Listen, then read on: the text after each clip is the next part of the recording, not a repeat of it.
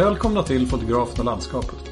En podd om att fotografera naturen med mig, Theodor Paus. Det här är avsnitt nummer 12 och idag träffar vi Linda Nybom. Hon kommer att berätta för oss om vad det är att vara skörstark och vad det betyder för hennes fotografi. Och hur en del av hennes planering av ett fotoprojekt är att ta fram ett soundtrack med låtar som sätter den rätta stämningen. För egen del har jag tyvärr inte kommit ut så mycket i naturen och fotograferat den senaste tiden. Jag har liksom inte riktigt fått någon ordning på mina rutiner om hur jag ska göra för att komma ut tillräckligt mycket och få skott med några planeringar av resor har jag inte heller riktigt gjort. Men eh, ibland får man ju liksom acceptera att livet är som det är. Jag har jobb, familj, foto kommer inte först. Det, så är det bara. Jag har dock en idé om ett extremt lokalt projekt. Att eh, fotografera bara i de små skogsområden som finns precis där jag bor. Det är inte kanske superspännande platser men jag tänker att det kanske går att få intressanta intima bilder där ändå. I det här har jag dels inspirerats av Carl Fredrik Ekström som var gäst i poddavsnitt nummer 9. Och som bor inte alls långt från mig här i Enskede precis söder om Stockholm. Och han gör också så att han fotograferar mycket i det här närområdet. Men jag har också inspirerats av Patrik Larsson som var gäst i avsnitt nummer 5. Jag var nämligen på Patriks vernissage nyligen på Naturfotografiska i Hallstahammar och såg hans utställning Det knappt märkbara och hörde honom prata om den också. Och där lyfter han tanken att spännande bilder ofta finns närmare än vad man tror. Ofta på platser som i sig kanske inte verkar så spännande men som blir det om man tittar på dem på ett speciellt sätt och liksom ger dem den uppmärksamhet som de förtjänar.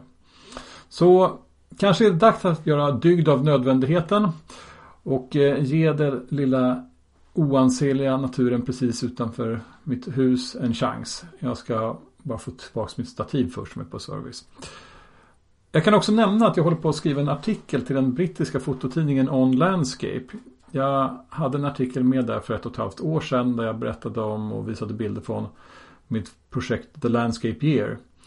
Och nu hörde redaktören av sig igen och undrade om jag inte vill skriva ytterligare en artikel, vilket jag känner mig alltför smickrad för att kunna säga nej till. Och den här nya artikeln kommer att handla om olika vägar man kan ta som landskapsfotograf och vilka drivkrafter man kan ha. Om det är något som den här podden har lärt mig så är det just att alla landskapsfotografer har så olika drivkrafter och olika sätt att ta sig an sitt foto. Jag tänkte ta upp lite om det i artikeln. Och jag kommer berätta när artikeln finns att läsa såklart men det, det lär dröja ett litet tag än. Som vanligt, ta gärna kontakt med mig på sociala medier och berätta vad ni tycker om den här podden. Om det är något som ni vill höra mer om eller gäster som ni vill ska vara med i framtiden. Förutom här så kan ni även kontakta mig på Instagram och jag finns även på Facebook. Ehm, gå gärna med i Facebookgruppen också för podden. Där berättar jag om kommande gäster och vi fortsätter samtalet mellan avsnitten. Och om du gillar den här podden och vill höra fler avsnitt Glöm inte att prenumerera i din poddspelare så missar du inget avsnitt. Länkar till mina konton, till Facebookgruppen och till Linda Nyboms hemsida och Instagram finns i anteckningar till det här poddavsnittet. Om det är sagt, låt oss börja dagens avsnitt. Välkommen till fotografen och landskapet Linda Nybom. Tack så mycket. Roligt att du kan vara med och eh, vi... Eh, var, var, befinner du dig egentligen någonstans nu när vi pratar? Just nu sitter jag på eh, golvet i min, mitt äldsta, nej, mitt mellersta barns rum. Min äldsta sons rum. Eh, och har lånat min dotters dator och hennes lurar. Okej, vad bra. Jag är hemma i alla fall. och, och var befinner sig det här rummet någonstans i Sverige? Jaha, okej, okay, det ska du veta. jag, är i Stockholm. Är jag. Ah, ja. Mm. Just ja, nu. I Bandhagen. Mm. I Bandhagen, bra. Mm. Um, då är vi inte så superlångt ifrån varandra. Jag befinner mig i Enskede. Aha. Um, ja, men så, så där är det. Um, ja det är alltid lite spännande tycker jag att ta reda på var folk egentligen håller till någonstans. Eh, och ibland så upptäcker man att man finns betydligt närmare än vad man trodde. Ja, ett, ett avsnitt för ett par gånger sedan där vi där äh, gästen visade sig bo ja, i princip bara hundra meter från där jag, äh, Oj. jag bor. Kunde vi se varandra under inspelningen? Ja, ja nej, men vi tog faktiskt en, en, en, en fika lite senare och ja, fortsatte vårt samtal. Ja. Vad kul. Ja, Du har ja, blivit- men det är härligt att bo söder om stan. Eller hur? Ehm, du var en av, har, tidigare fotografgäst här har tipsat om dig. Jag kände faktiskt inte till dig. Det var Alison DeMar som nämnde ditt namn. Ja. Eh, och sen så efter det, eh, hon var ju gäst i, var det avsnitt 10 tror jag? Ja, just det. Ehm, eh, och, ehm, men, men jag gick in och tittade på dina bilder och Ja men jag kände så att henne vill jag ha med Mm, för ett kommande avsnitt. Ehm, och det finns ju en viss eh, liksom ehm, ehm, vad ska man säga Eh, grannskap eller liksom eh, släktskap kanske man kan säga. Som är, i, Ja. i, lite känslan mellan era bilder. Eh, även om ni gör det på olika sätt. Men det som jag tyckte framförallt var det som var roligt att se är ju liksom det är ett väldigt känslodrivet eh, foto som jag upplever som du Mm. gör. Det är liksom eh, stämningar och, och eh, kanske inte så mycket drivet av motiv. Nej. Men utan mera, och, och, och jag får en känsla av att det är en viss grad av efterbearbetning också i, liksom hur, hur känslan är skapad i bilderna. Ja, så är det. Ja.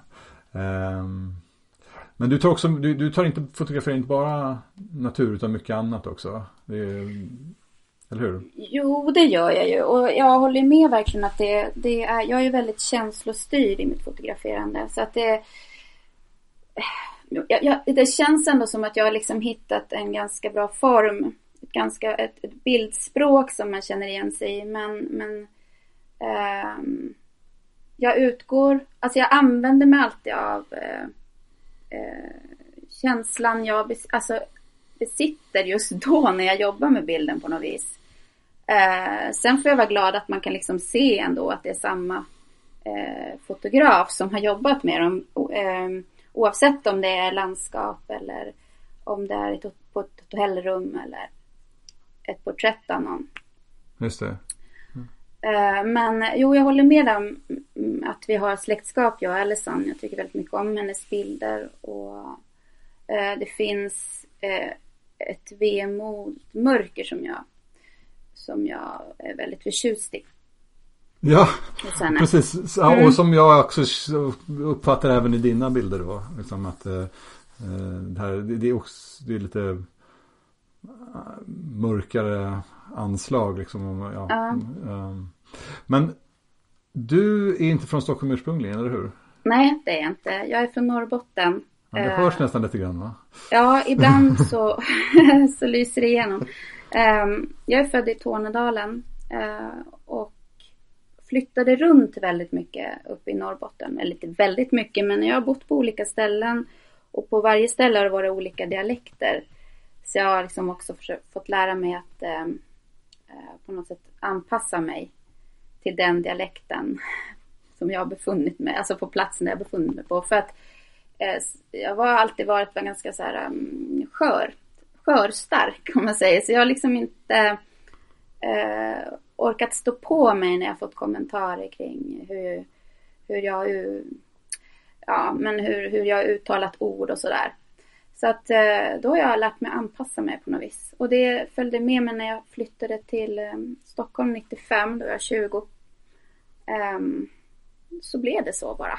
Att jag på något sätt anammade mer eh, den dialekten som fanns här. Men, men nu när jag är äldre och på något sätt ehm, jag vet inte. Det är inte så att jag tänker på hur jag pratar. Men det är bara, Nej. det bara flödar ut. Ja. Skörstark. Skörstark. Ja, Ja. precis. Ett nytt ord. Ja, eller hur? Men, vad, vad, vad ligger i det? Skörstark det är att eh, man har ganska tunn hud men samtidigt är man mm, Det krävs väldigt mycket mod att göra saker eh, och då måste man på något sätt besitta en styrka. Eh, och det, det, ja, jag tänker att skörstark är ett ord som eh, beskriver eh, rätt bra hur en person kan vara. Fattar du vad jag menar när jag säger skörstark? Jag tror det. Jag, jag, jag, Ja. Men jag tänkte höra, höra vad du säger först. Ja, nej men det är väl det. Alltså jag är en ganska rädd människa. Eh, och orolig för en mass, massa saker. Liksom. Men eh, jag har en nyfikenhet som driver mig att, eh, att göra grejer fast jag är rädd. jag har aldrig låtit rädslan ta över så då, då, då eh, måste jag vara väldigt modig i det här. Det, lå- det och, låter och då som... har jag blivit stark av det på något sätt. Att jag utmanar mig själv. Det låter som eh, bra egenskaper för en konstnär. Ja, det, jo, för jag tror att det sköra är det som är bra med att vara skör, eh, tror jag, det är att man är lyhörd och man är ehm, en iakttagare inkännande. Och det tror jag är bra egenskaper. Eh, just kring eh, eh, konstnärliga. Eh, och när, särskilt när jag jobbar med fotografi då jag liksom alltid eh, använder mig av liksom någon slags inre, inre röst och känsla, intuition. Eh, även alltså, från att jag hittar en plats som jag vill ta en bild på till, att, till när bearbetningen, alltså tills jag är klar. Hela vägen egentligen så är det ju min intuition som styr mig och talar om för mig eh, magkänsla om man ska säga att där satt den och vid redigeringen nu, nu är den bra. Jag är ganska noga med eh, mina spakar i redigeringen. Liksom. Det. jag, jag, jag kommer att tänka på, jag kommer inte ihåg vem det var som sa det. Det Mm. kanske har varit flera som har sagt det. Och det var något helt annat sammanhang. Jag tror det var någon musiker eller, som, som, som sa liksom, It's important to stay vulnerable. Mm. Att man liksom hela tiden Det är först när man på något sätt är i ett läge där man är sårbar liksom, som man eh, ehm, som saker kan bli viktigt för en. Liksom. Om, Mm. om, om man inte exponerar sig för att så, vara sårbar så då, då är det man håller på med inte tillräckligt viktigt och inte tillräckligt engagerande. Jag, jag vet inte om det är lite grann åt det hållet som det där skörstark Jo, finns. det är jag, jag öppnar ju gärna de här dörrarna eh, och gestaltar sånt som bränner.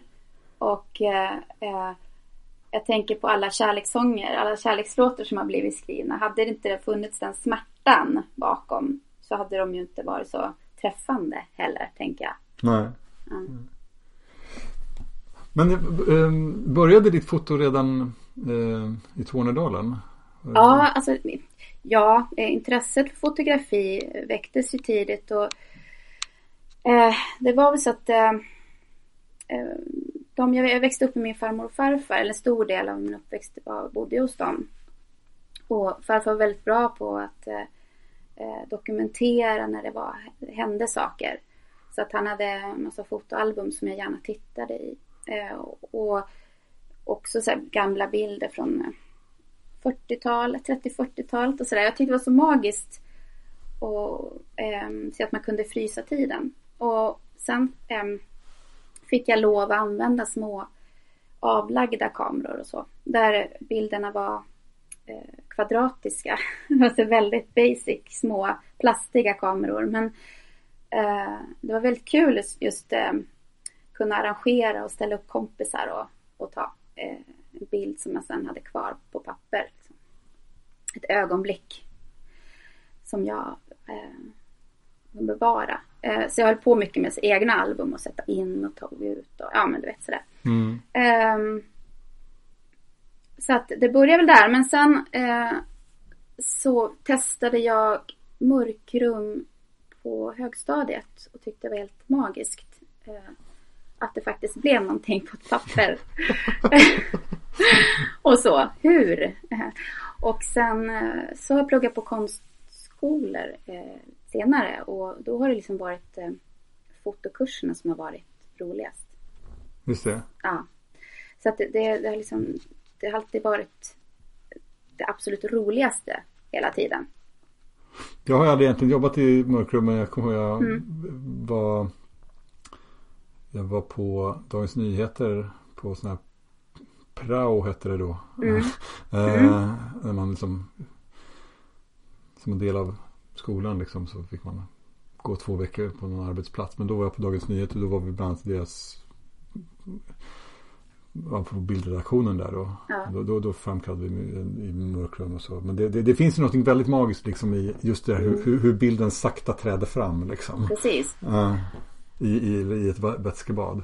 Ja, ja men det är ju så. Alltså det är lite så här när man hittar en grej. Där man, alltså jag upplevde att jag tappade tid och rum. Jag, kunde, jag glömde bort att äta och sådär. Eh, jag ville liksom framkalla, jag ville få fram alla bilder jag hade på rullen på något vis. Så, istället för att kanske fokusera på tre eller så. Bra och jobba fram dem ordentligt så, så vill jag liksom få upp allt på papper. Ja. Men det är så jäkla svårt att se om de är bra också när det är mörkrum. För då får man sitta med en liten lupp och titta på en bild som är ett, liksom, negativt. Då. Ja. Um, det är en helt annan grej idag. Liksom man, ja, ja, men ja. absolut. Jag var emot det eh, digitala. Jag, jag var liksom lite motsträvig så här. Tyckte, fan är det här verkligen fotografi? på något vis. Jag tyckte det var lite... ja, fusk sådär. Uh, så jag hamnade i diskussionen um, om det med andra som var mer positivt inställda. Men uh, nu tycker jag att det är jätte, jätteroligt. Nu fuskar du fullt ut. Nu fuskar jag. Ja, jag har gått ja. över till den mörka sidan. Ja. Uh, ja. ja, det är bra. Kan det gå. Mm. Ehm, men men hur, hur, hur blev den här typen av foto som du håller på med idag? Liksom, vad, var väg, vad var vägen in i det? Jag tror att eh, det var, jag gick en utbildning på Bergs. En, en, en eh, ettårig utbildning.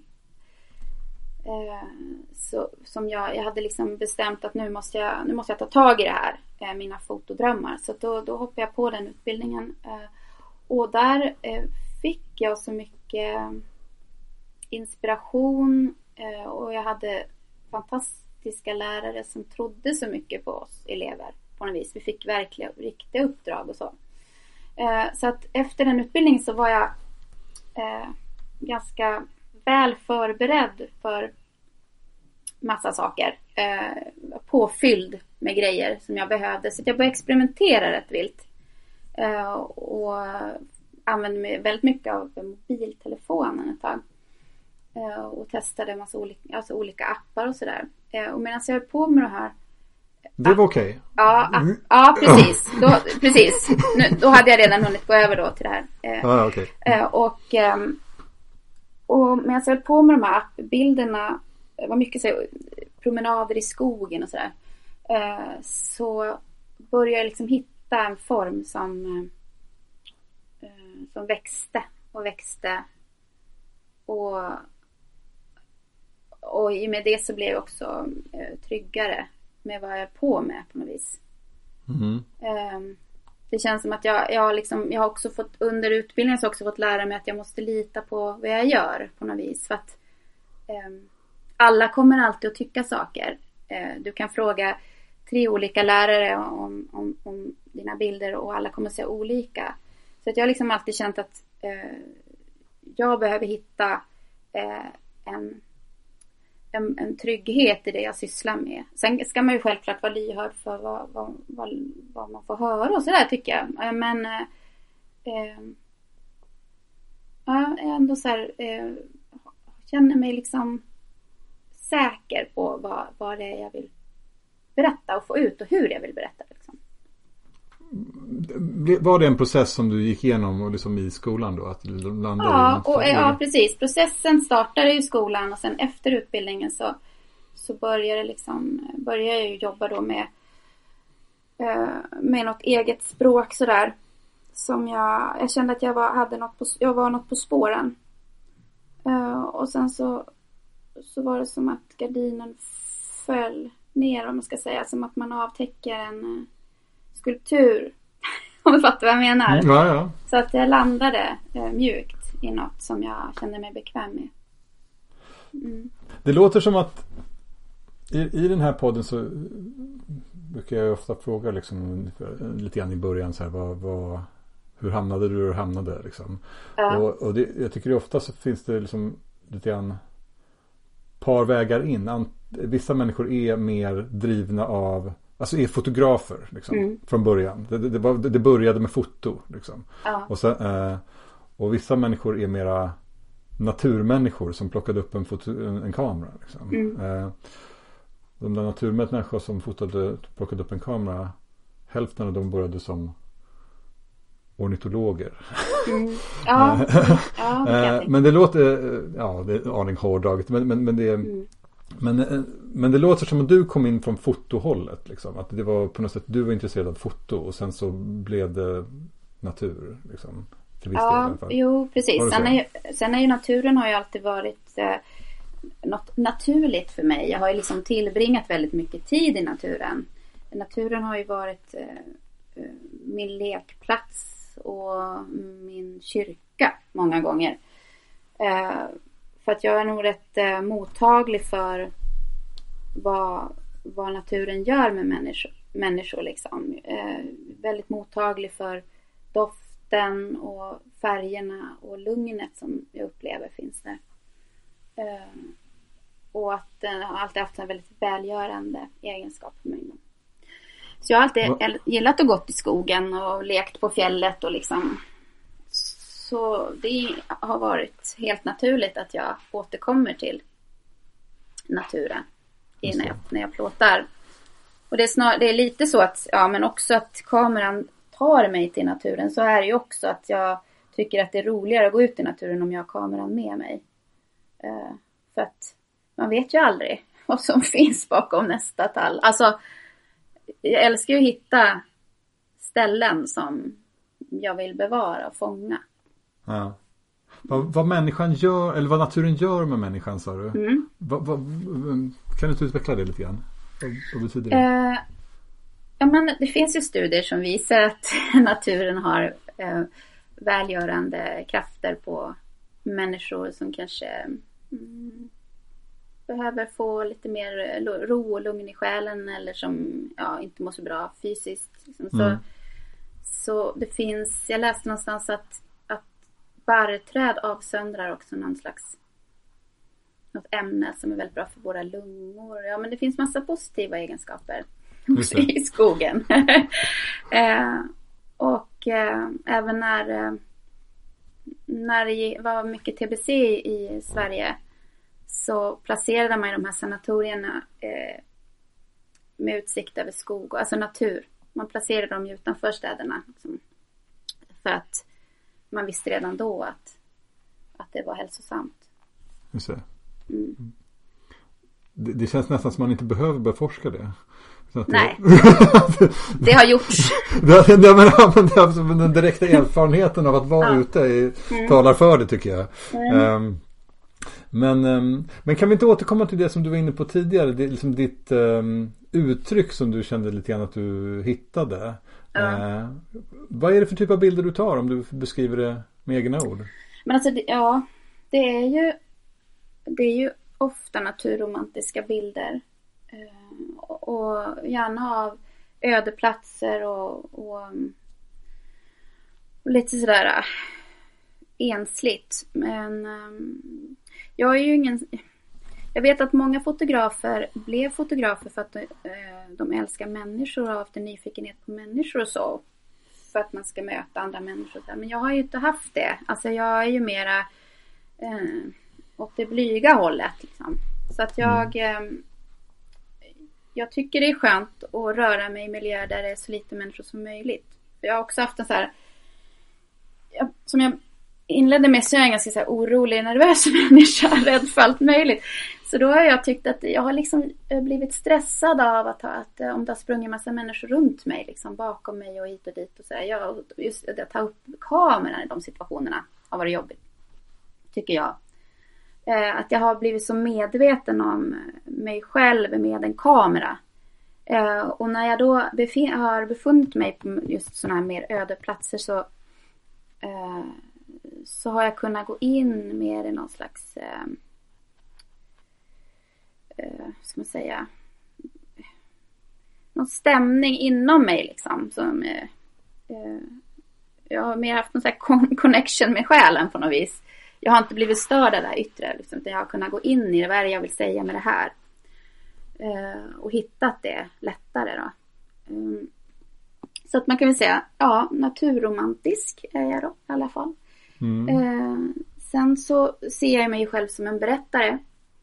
Eh, och då är det ju eh, just de här eh, eh, behovet som jag har av att gestalta det som bränner och det som är lite, jag vill gärna att det ska vara lite mörka moln över det jag gör. Jag tycker sånt är mer intressant. Och jag vet inte varför det är så, men det har alltid varit så. Vackert fast mörkt liksom. På, på din hemsida så, så, så skriver du, eller ja, det står så här att hennes verk är berättelser om vemodet, längtan, drömmar och saknad. Stämningar som man inte riktigt vågar gå till. Platser man kan ta, ha i sig. Som mm. pratar med en på något sätt som känns långt bak i minnet. Ja, ganska bra formulering faktiskt på det jag håller på med. Det är, um, det är inte jag själv som har liksom klurat på den. Det är en vän till mig. Uh, men jag, som jag tyckte var så bra så jag snodde den rakt av. Ja. Uh, Jo, men alltså jag tänker liksom att um, att landskapet, alltså när man plåtar så är det ju på något sätt, det är ju eh, något slags självporträtt, tänker jag. Eh, och att landskapet som, man, som, som är framför en ska spegla det ens inre landskap, man säger. Så att, eh, att det blir liksom som ett självporträtt fast ett landskap du ser. Just det. Eh, det är lite så jag, jag tänker. När jag, att, eh, att det ska bli en själslig spegling i bilden. Och som jag berättade så är det liksom att jag, jag styrs ju av Ja, att jag är väldigt luststyrd och väldigt uh, intuitiv när jag jobbar. Så att det liksom uh, Jag vet ju inte heller alltid vad det är jag vill ha. Det är bara något jag känner när jag ser det på något vis.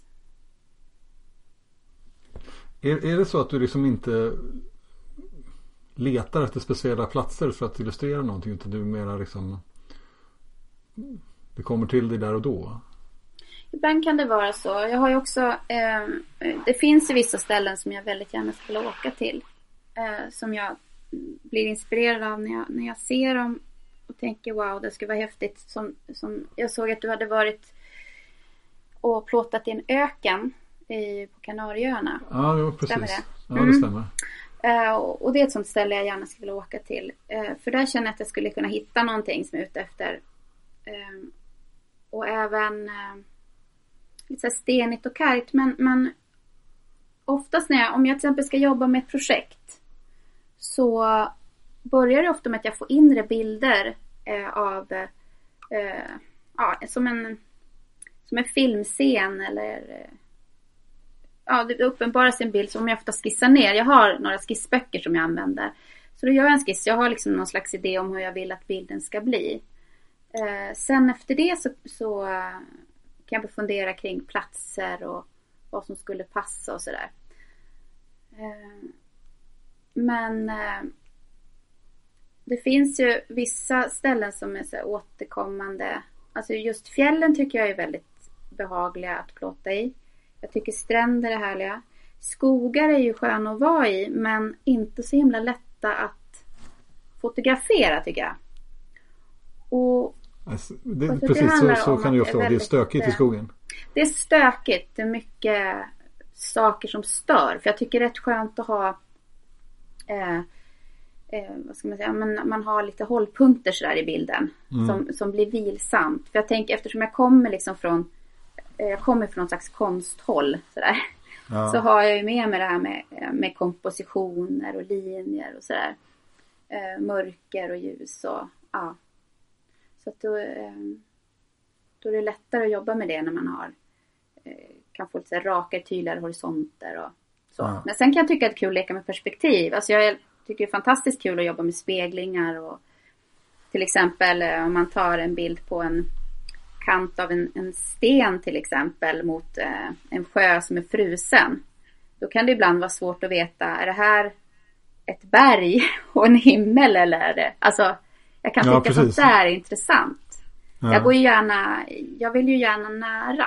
Eh, eh, än att jag tar liksom en, en bild långt ifrån i panorama så vill jag mera in i, ja. i, i, det, blir, det blir något lite, det blir lite speciellt där när man tar en bild på ett sätt så att man inte kan se, där det inte finns några referenspunkter så att man inte ser vad som är stort och litet liksom. Eller hur? Uh, man vet inte uh, vad som är upp eller ner sådär. Uh, Men det finns, något i, det finns någon igenkänning i det. Ja, precis. Mm. Men de här projekten som du gör. Ja. Eh, kan du inte berätta lite grann om hur, vilken typ av projekt det är som du har och vilken typ av projekt, liksom hur ett sånt går till för dig? Mm. Ja men absolut. Eh, ja men ofta så börjar det som sagt med skissarbete. Eh, och sen i samband med det så brukar jag börja jobba fram eh, en text. Och det kan egentligen bara vara några fraser jag börjar med. Eh, som blir meningar. Eh, och eh, jag är inte så superteoretisk av mig men jag vill, ändå, jag vill ändå veta vad jag håller på med. Uh, vad jag vill säga för det underlättar ju också alltså fotograferandet sen när man ska sätta igång så att säga. Um, vad det är för ton man vill ha. Liksom. Uh, sen så brukar jag jobba väldigt mycket med musik också. Alltså att jag, um, jag gör ett soundtrack till, till projektet. Alltså med Spotify-lista liksom? Ja, precis. ja, jag gör det. Eh, som ska förstärka det jag vill åt, känslan jag vill åt. All right. Eh, och så letar jag, funderar, letar jag platser, kanske funderar kring eh, om jag ska ha någon rekvisita eller om jag ska ha med någon modell och hur ska den se ut och sådär. Ja, det. Ja. Men, men då, då, då, är det liksom också projekt som är liksom inte bara i natur. Liksom, där är också andra typer av element. Liksom, människor och, och, och så.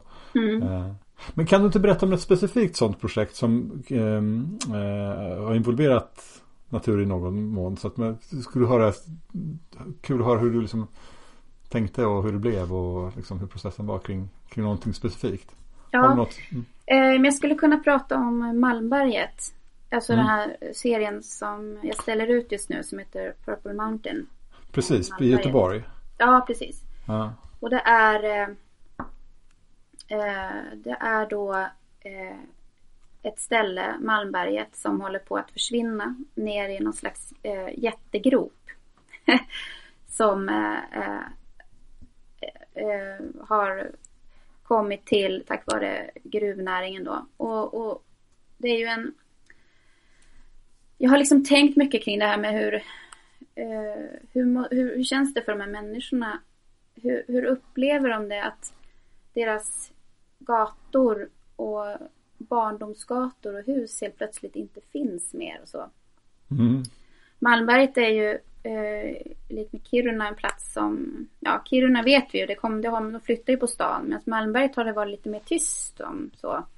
Men det har skrivits massa böcker om, om och det görs sånger och dikter om livet i Malmberget. För det har liksom um, det har ju varit en, en, överenskommelse att snart det här kommer att hända. Liksom, för att gruvan genererar jobb eh, och det har varit en deal. De vet om det. Eh, att de kommer bli tvungna att, att eh, lämna eller liksom flytta, flytta från den här gropen då.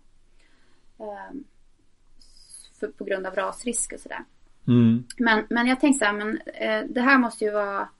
När jag fick nys om den här, jag visste om Malmberget, jag har haft en morfar som har bott i Gällivare så jag har ju liksom varit där i krokarna. Men jag tänkte att när jag började förstå att den här platsen faktiskt inte finns mycket längre till så eh, åkte jag dit förra sommaren eh, och plåtade en natt.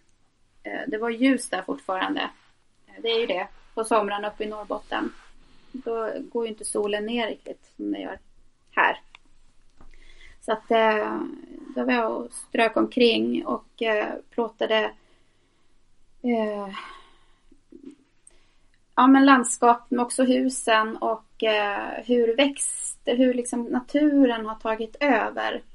För att det är ju inte så att man underhåller gatorna, vägarna där längre eller att folk planterar särskilt mycket i sina trädgårdar längre. Det är liksom ingen idé. Så allting är väldigt igenvuxet och, och sådär. Just det. Eh, och ehm, det här är ett pågående projekt. Jag är inte klar än. Utan jag vill åka dit den här sommaren igen och fortsätta och se vad som har hänt och, och sen eventuellt Eh, våga möta lite människor som bor där. Eh, ta några porträttbilder. Så det, det, som du ställer ut på, på Galleri Elf i, i, i Göteborg det är liksom ja. en, ett det, delbetänkande från ditt projekt. Ja, exakt. Det är pågående arbete. är det. Eh, Mm. Så ja, jag tyckte det var Det var sorgligt men fascinerande Ja. samma gång. Men det där, på ett sätt så det där liknar ju lite grann eh, också arbetssättet för Helene Schmitz som var med, Ja, med i podden exakt. tidigare. Som, som verkar ta det här eh, projektorienterade fotot ganska långt och som ju också varit intresserad av gruvor. Precis, jag, Eh, har, eh. jag visste inte om det. Jag blev väldigt förvånad eh, Mm. och glad också. Och lite så här, fan. alltså, här har redan gjort, har redan gjort det. Ja. Ja men du vet, man vill Ja. vara unik men det är man ju aldrig. Mm. Eh, ja, eh, jo, nej men det, hon, eh, hon känns ju snäppet mer teoretisk än vad jag är på något sätt. Jag vet inte. Men hon, hon, ehm, hon är kanske inte lika impulsiv eller vad jag ska säga. Utan mera, som hon berättar så, så var det ganska eh, lång, liksom noggranna förberedelser. Också för att hon använder den utrustning som hon har. Ja. Så det, det går inte att Nej, vara så spontan my- på plats. Mycket planerat och behärskat fick jag känslan av att Ja. hennes foto var. Men Ja. om, man, om, man, om man går till ditt foto liksom, så här, så här, är det, när du gör projekt av olika slag, är det liksom den typen av ett fenomen som du snävar in på? Liksom, som i det här fallet den här platsen och liksom ehm, det märkliga att platsen försvinner och hur det påverkar människorna och sådär. Men när du gör saker som ehm, du har ju många bilder som är på något sätt bara natur. Liksom. Mm. Eh, Är de också drivna av den typen av föregående tankeprocess? Liksom? Eller är det mer att du har tagit dig till en plats och så tar du lite bilder? Hur, hur? Eh, allt är ju inte eh, planerat så utan ibland så kan det ju dyka upp en och annan bild som är spontan också. Men, eh, men jag tror att det är, jag, jag gör ju inte bilder bara för att de ska vara vackra eller Nej. tekniskt skickliga. Jag är ju usel på teknik egentligen. Eh,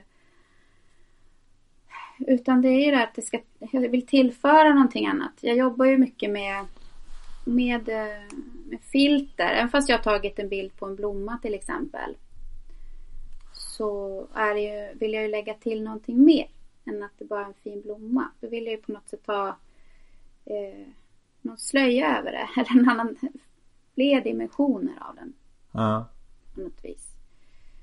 Ehm, Men, eh, men då kommer vi till frågan om efterbehandling. Då, eh, Mm. hur? Eh, Men, men om, om vi bara stannar kvar lite grann i det här liksom eh, temana som du som försöker jobba med då. Eller liksom de här olika projekten.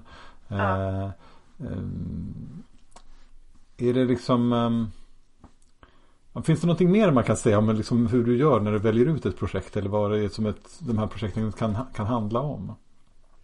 Ja men oftast, alltså det är ju Det kan ju vara händelser eh, och sånt som jag tycker, nå, någonting som berör mig som, som ligger mig nära och varmt om hjärtat. Eh, och det är väl eh, ganska själviskt sådär men det är ju eh, på något sätt så tänker jag att det också kan träffa andra som som känner igen sig i det jag håller på med. Just det. Eh, men, men det är ju, jag jobbar ju med att jag gräver där jag står och ehm, så att det, det finns ju delar hela tiden som har med mig att göra på ett eller annat sätt som person och vad saker jag har varit med om. Är det ju. Ja. ja, men det är väl lite grann det som du var inne på tidigare. Att liksom på något sätt landskapet blir en liksom på något sätt eh, spegelbild av det inre landskapet. Liksom. Ja, Ja, eller Precis. är det någon, eh, ja. Jag tror att det är flera som har gett uttryck för den där tanken. Även de som fotograferar liksom mera mm, dokumentärt landskap så finns det ju alltid någon form av tolkning. Liksom. Alltid någon form Mm. av varje bild är på något sätt lika mycket en bild av den som står bakom kameran. Eh, Ja. Eh, eh, om man inte liksom tar en bild som någon annan exakt redan har tagit tidigare. Liksom. Det, det, det, men så, så, så, så länge man på något sätt har någon form av egen ja, om man gör någonting som är, som, som är lite eget liksom, då, då Mm. blir det på något sätt alltid på något sätt genom ens eget filter. Liksom. Mm. Eh, Jag har tänkt lite grann på det för att jag menar det finns ju eh, Eh, jag följer någon grupp på Facebook eh, som, som lägger upp bilder från både från Norrbotten och från Tornedalen och det tycker jag eh, det är så intressant att se att en, en bild av, av det landskapet kan se så otroligt olika ut. Alltså beroende på vem som har stått bakom kameran. Men ehm, jag tänker att man har ju olika ingångar också i sitt fotograferande. Och vad som är rätt eller fel, det finns ju inget rätt eller fel. Utan det beror på vad du som fotograf vill åstadkomma med, med bilden du tar. Är det, är det liksom teknisk perfektion som du vill åt eller är det är ett berättande där, du, där det kommer in andra saker i bilden eller liksom eh, det beror helt på vad du vill själv. Ja, det var faktiskt en av de frågor som jag hade tänkt att ställa till liksom, Mm. dig. Så, eh, eh, vad har du för Har du ställt upp några egna regler för dig själv? Liksom? Finns det någonting som du har bestämt dig för att det här, så här tänker jag alltid göra eller så här kommer jag aldrig göra? Eller liksom någon form av principer som du har i ditt eget foto? Nej, men ja, nej, det, det har jag väl inte. Eh, inte när det kommer till landskapsfotografi. Sen, Nej. sen finns det en annan, annan typ av fotografi som jag aldrig kommer att ta. Eh, Ja, mera typer av foton som du inte är intresserad av liksom? nej, jag kom, nej, men som jag har tagit ställning till. Jag kommer inte att ta såna här bilder för att jag tycker inte om dem och jag tycker att de är förlegade och det har liksom Men nu måste du berätta. manlig blick. Ja, men till exempel eh, utsatta kvinnor som är i utsatta positioner eller liksom Ja. en naken eh, iskall kvinna eh, som ska stå och se eh, förförisk ut i en skog. Jag kommer inte att ta sådana bilder. Nej. De retar mig och det är ehm, för att jag känner att det här det är liksom en, en manlig blick som jag inte kan stå för på något vis. Utan det ehm, För hade man vänt på, hade man vänt på rollerna Ja. eh, och det låg en, en, man på ett hotellrum eh, som tittar på dig med trånande blick. Alltså, vad händer på något vis? Jag vet inte, jag, jag, har, jag är trött på den typen av bilder. Mm. Eh, och eh, jag vill inte vara en del av dem som håller på med det. Utan jag har tagit, där, där är jag hård. Ja, ja, precis. Men, men det, det, det finns väl gott om utrymme för att ta andra typer av bilder också. Ja, Sen så, Precis, undrar jag där, men- så, sen så undrar jag där liksom, hur jag ska hantera det här med manlig blick. Jag vet inte vilken annan blick jag har. Nej. nej Men- precis. Även om Ja. jag inte just tar de bilderna.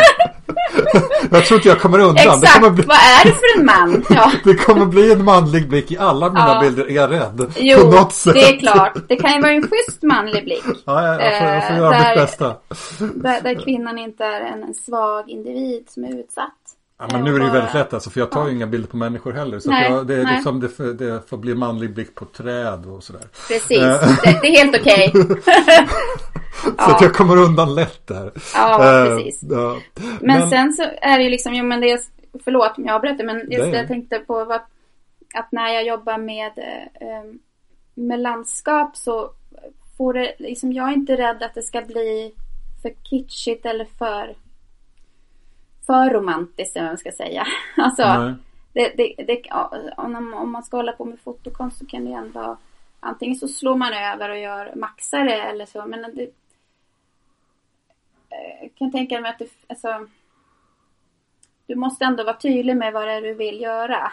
Eh, Ja. På något vis. Så att eh, jag kan ju se på mina råkopior att, eller råfilen att där det kan vara ett vackert landskap. Men som sagt så vill jag ju liksom lägga till någonting mer. Eller jag hoppas att jag gör det. Ja. När jag, vid bearbetningen. Sådär. Och låt oss komma Så till det. För där- du har ett ja. ganska, för du har ett ganska um, speciellt uttryck får man ändå säga. Jag kan inte riktigt sätta fingret på, på liksom hur det ser ut. Man får gå in på din hemsida eller titta på liksom mm. dina bilder på olika sätt. Men, men det är ju ett ganska...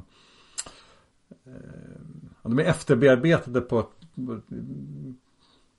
ett sätt som gör att man känner igen dem lite grann. Att de har en sammanhängande stil. Mm. Kan, kan inte du berätta om hur du jobbar? Och vad det är du försöker uppnå med din efterbearbetning? Mm, absolut. Jag, eh, jag jobbar ju digitalt och har en, jobbar med en Canon 5D. Och eh, sen så, jag, har, jag jobbar i RAW så att jag eh, eh, jag går in eh, de är ganska stora filerna från början. Men jag går in i, i Lightroom gör jag från början. Jag jobbar inte så jättemycket i i eh, Photoshop. För vi är inte riktigt vänner jag och Photoshop. Tyvärr. Nej. Eh, jag vet inte vad det är som händer men eh, det blir fel. Hur jag än gör så blir det fel på något vis. Jag, ologiskt. som ett ja. svårt mattetal. Men ehm, så att jag jobbar, jag, jag och Lightroom kommer bra överens. Så att, ehm, eh, sen där gör jag liksom själva det grova arbetet kan man säga. Ja. Och beskär och ser eh, högdagrar. Ja men du vet sådana där grejer. Mm. Eh, och sen så jobbar jag med olika appar också mycket. Som jag har i min, på min iPad till exempel. Okej. Okay. Så jag kan liksom skicka bilden från min dator till min... Alltså jag använder Dropbox väldigt mycket. Det är jättekomplicerat. Det finns säkert lättare sätt att göra det här på. Men det här funkar för mig och då ja. använder jag att jag går liksom via Dropbox. Plockar upp dem i på min iPad. Ja. Där jag jobbar med olika appar. Som redigeringsprogram. Där. Och sen så eh, så skickar jag tillbaka dem ibland. Så att de kommer tillbaka till Lightroom. Okay. ja, lite speciellt. Men eh, ja. Vilken typ av liksom, effekt är det som du ofta vill liksom, komma åt liksom, i efterbearbetningen? Då? För att ja, jag kan ge lite reflektion vad jag känner, känner, när jag ser det. Men, men jag vill mm. hellre höra det från dig. mm. ja, men jag, jag, jag, tycker om att jobba med ytorna. Eh, så att jag inte lämnar eh, jag är inte så förtjust i släta ytor om du förstår vad jag menar. Utan jag vill liksom att det ska hända någonting. Ja. Eh, jag vill att det ska vara någon slags pågående aktivitet i dem. Så att då eh, jag eh, vill också liksom, jag har ju alltid eh, varit svag för det analoga fotografiet och, och eh, vill ju närma mig det fast det är digitalt. Det är som att jag vill smutsa ner den digitala bilden lite grann också så att den inte ska bli för ren och ja. skarp och, och så. Eh, för polerad. Jag vill ta ner det. Mm. För, för det var precis en av de sakerna som jag tänkte på. Att de, de känns en aning smutsiga. Liksom. Ja. I, så här, det, det, det, mm. det, har inte den där krispa, liksom, um, superfokuserade liksom. Um, utan det är liksom, det, det, finns ofta ett lite, lite, inte kornytt kanske, men liksom lite smutsigt uttryck och, mm. och också att det är en färgskala som liksom är lite blek nästan. Mm. Mm. Precis. Uh, jo men så är det ju och uh, det, jag vet inte. Det, det gäller ju att liksom hålla sig uh, försiktig med hur mycket man tar i. För när man jobbar med sådana redigeringsprogram så kan man ju Särskilt om man inte håller på med det så mycket så är det lätt att man liksom drar på och så. Men mm. jag är mm. ganska eh, noga med, eller liksom jag känner på något sätt att nu det där funkar inte, får jag slänga den och kanske börja om eller så här. Men jag känner väldigt tydligt när jag hittar det. Just det. Som jag vill ha det. Eh, och, och där så jag gillar ju liksom att jobba med ytor. Jag kan gärna, jag, jag använder mig gärna av eh, plastskivor när jag jobbar eller en plastpåse eller jag kan ta bort gluggen från huset eller du vet sådär att jag, jag experimenterar rätt mycket. Också Så för att- när du tar bilden. Mm. Ja, precis. Eh, Mm. För att skapa någonting eh, annat opolerat så. Precis. Mm. Ja. Ehm, Och sen nu har ju de senaste eh, projekten har ju tänkt mycket kring eh, färger och sådär. Eh, jobbat med lila toner och eh, gult mm. också. Mm. Eh, ja, precis. Men för att en i, i många liksom, som fotograferar naturfoto har ju eller som fotograferar natur har ju liksom på något sätt eh, renlighetsideal om man säger. Ja, att liksom på något sätt så här varje gång som jag klonar bort någonting som jag tycker inte ska vara med i bilden så känner jag, får jag alltid lite dåligt samvete. Det känns Mm. som att du har en lite annan inställning till, till, till det här. Att det liksom på något sätt Ja. Eh, Jo, det har jag ju. Alltså jag har ju tittat på dina bilder och det är ju, du har ju fantastiskt fina bilder. De är ju väldigt vackra. Absolut. Jo men det är de ju. De är väldigt vackra. Men det är ju en annan typ av fotografi. Absolut. Eh, och, eh, ehm, och jag kan ju beundra just det här, den tekniska skickligheten som du har anammat. Eh, och det jag har läst om dig så har du ju också jobbat för det. Det är dit du Ja. har velat nå, eller hur? Ja men alltså. Eh, Man kan säga att det. Jag har ju liksom bara börjat. Jag, Ja, jag, jag, jag, mina, mina, mina, min ansats har ju varit lite grann att försöka lära mig någonting överhuvudtaget. Liksom.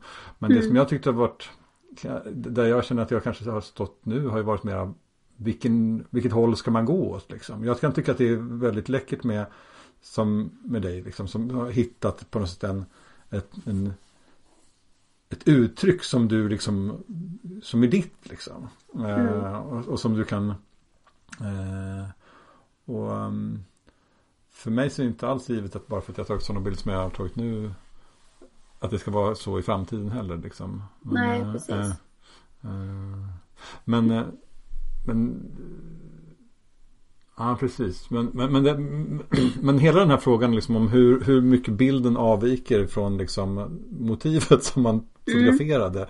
de- Den, jag upplever också att det finns en liksom, liten, ja, kanske mellan de som har på något sätt mer ett konstinställning till, sin, till sina bilder så blir det liksom större frihetsgrader som man kan, kan ta sig. Liksom. Ja, absolut. Ja, Det, så ja. är det ju verkligen. Eh, Och det, det är ju det eh, jag tycker är härligt med, med det sätt jag arbetar på. Att jag är väldigt fri och jag tycker det är skitkul att kunna gå eh, mot strömmen, bryta mot regler.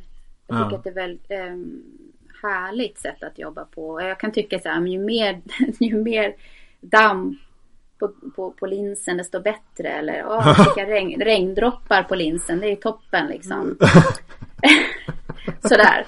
Ja. Eh, motljus. Alltså jag har inga skydd så utan det eh, eh, så. Så att eh, jag är fri på det sättet. Men, men samtidigt så jag vet inte om jag skulle kunna få till en sån här fin superskarp eh, där färgerna är liksom helt korrekt som de, de bör vara eller så. Mm. Visst så kan man ju manipulera färgen också, trycka på och eh, lägga på liksom sol, solsken som kommer in från sidan. Alltså Ja.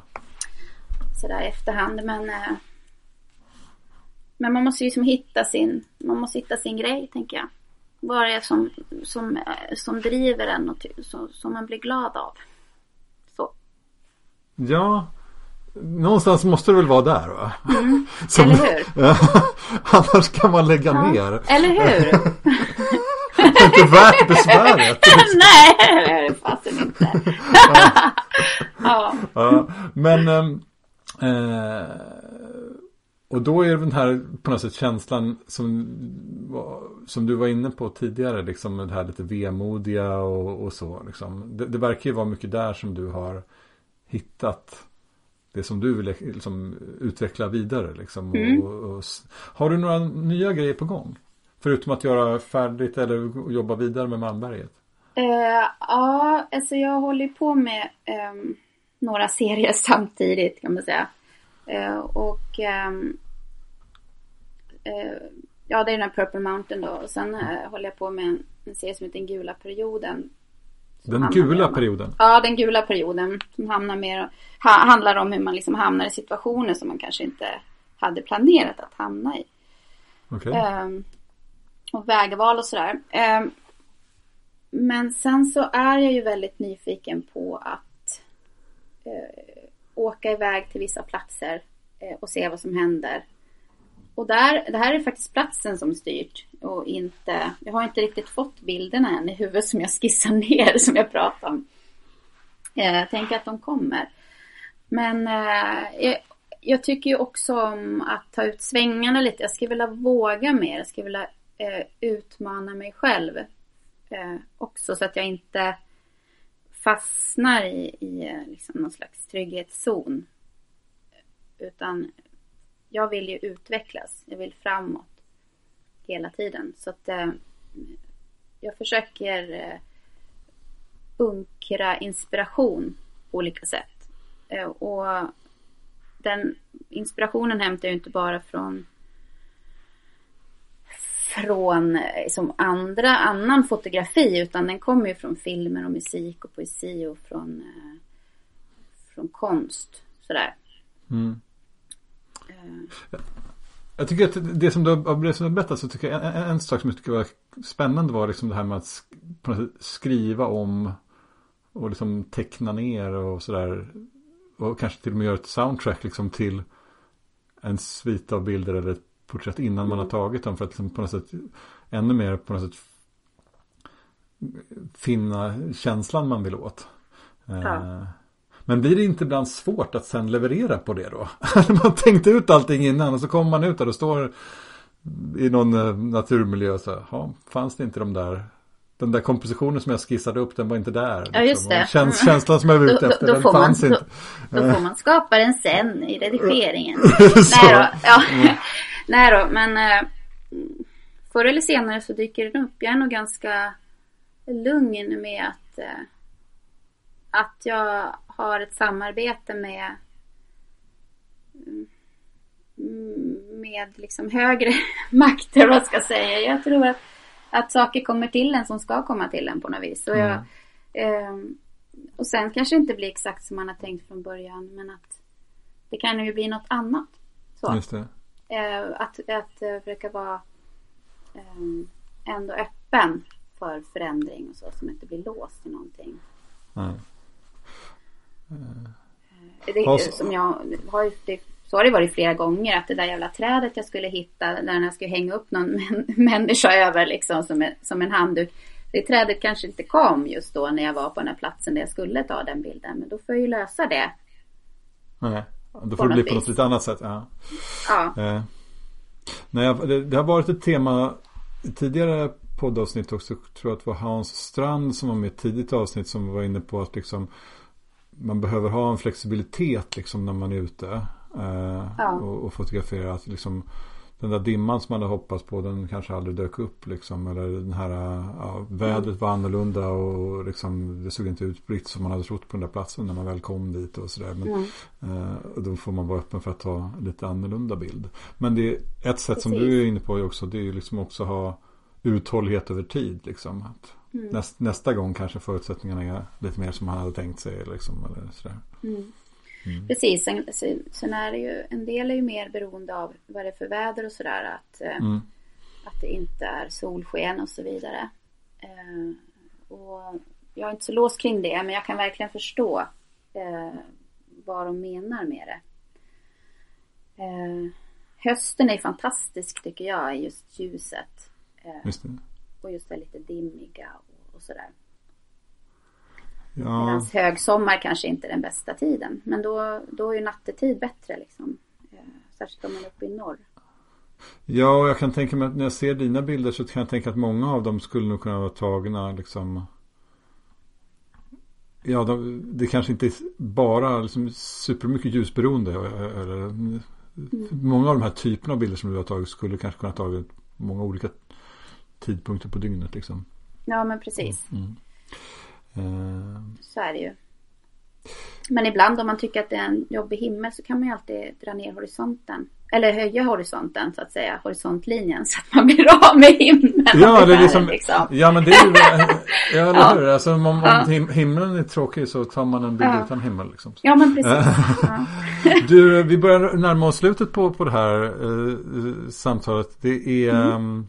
Eh, det är synd att jag inte bor i Göteborg. Jag hade gärna velat gå och se din utställning ja. på plats. Jag vet inte om jag kommer få finnas möjlighet till det. Men, ehm, men du ställer ut med, med viss regelbundenhet på lite olika platser, även i Stockholm. Precis, det brukar bli ungefär två utställningar per år. Sen kan det skifta, men, men eh, jag, jag kommer nog dyka upp lite här och där mm. i framtiden. Göteborgutställningen pågår till sista mars. Sista mars? Ja. Ja, det är bra. Men ja. eh, vi lägger in en länk till Galleri Elf. Eh, det tycker i, jag.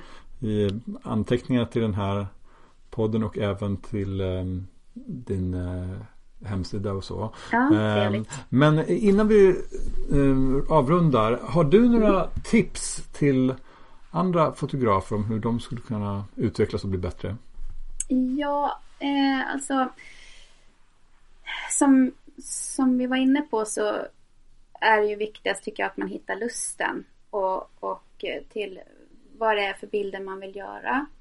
Eh, att man ska leka mer och våga. Och jag tänker att eh, ehm, eh, på något sätt att man, eh, det, jag tycker det är fint om man kan få in lite mer själ i det man gör. Alltså att man får en inblick i eh, i någon slags berättelse det man visar också. Alltså att det kan vara ett vackert landskap men kan man lägga till ytterligare en sak? Kan det vara någonting som, som stör? Någonting som stör i bilden eller som mm. skaver någonting sådär. Eh, så att eh, eh, det väcks frågor eller ja, att ja, in med något mer än bara en vacker polerad yta. Ska jag väl säga. Mm. Sen hur man gör det, det måste man liksom hitta själv då. Men det är så, jag vet inte. Ja, ja absolut. Men det, det, det, knyter väl an lite grann till det här att på något sätt linsen är i någon bemärkelse riktad mot en själv också. Ja. Att, ja. att, att, att försöka hitta någonting som, som man har med en själv att göra. Precis. Mm. Ja. Um, ja, bra. Det är tips för då tror jag bilden blir mer intressant. Det får en, en, en extra dimension som, ja. som kan vara kul. För att man kan bli mätt på det vackra och sköna också. Ja. Man vill ha något mer. Det har också varit ett tema. Flera som varit inne på det. Alltså, eh, mm. Patrik Larsson tror jag uttryckte det som var med i ett tidigt avsnitt. Att liksom, det vackra är en tunn känsla. Liksom, den, är för, mm. den är för den engagerar inte tillräckligt mycket. Liksom. Nej, exakt. Uh, och sen så fanns det andra som, som Fredrik Bo som var, också varit med i podden som på något sätt mm. går all in i det vackra. Det är liksom helt ja. det som driver hans foto. Mm. Han, han mm. vill, vill, ta vackra bilder. Liksom. Ja. Uh, jo, och det gör han också. Det... De är verkligen jättefina. ja, jo, men det är, ju, mm. det är ju populärt. Alltså det är ju vad man är för, uppbyggd av för skrot och korn på något vis. Sådär, vad det är som pirrar till, tänker jag. Det ska pirra. Ja, precis. Det, det, är det vi är ute efter. Ja. Eh, och har du några tips på andra fotografer som du tycker bör vara med i podden framöver? Uh, göteborgare. Uh, han har nämnts förut. Han heter Dan Isak Wallin. Som mm. jag är väldigt förtjust i. Uh, han är väldigt trevlig också. och han har ju en mer meditativ stil i sitt fotograferande. Han jobbar ju polaroid och så analogt och eh, upprepning. Ja. Eh, fantastisk. Sen har jag en till som, som heter Isabella Ståhl. Ja. Och Isabella Ståhl, hon jag, jag, känner inte henne, jag har aldrig träffat henne men um, jag har liksom följt henne på Instagram väldigt länge och hon har eh, någonting som jag känner igen mig i. Alltså hon, det är någon slags Norrlands eh, eh, Norrlandsmotiv och jag vet inte, jag tror hon är från Norrland men att hon flyttade från Norrland väldigt tidigt. Hon, eh, det är mitt Norrlandshjärta börjar klappa när jag ser hennes bilder i alla fall. Okej. Okay. Eh, hon, hon gör fantastiska bilder. Eh, hon har en, en, hennes hemsida är väl isabellastal.com tror jag. Det är värt att gå okay. in och titta. Det är fint. Mm. När det gäller Dan Isak Wallin så vågar jag lova att det kommer bli ett avsnitt med honom.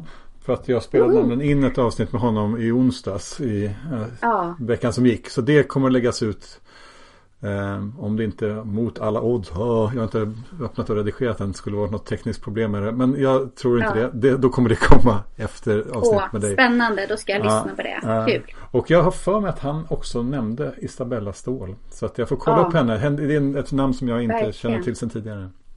Ja, Mm. det, hon gör fantastiska bilder. Helt klart. Du, tack för att du var med och tack för dina fantastiska bilder. Eh, som jag tycker att alla ska gå in och titta på. Och om man har vägarna förbi Galleri Elf så titta in och titta. Ja, tusen tack. Tack själv.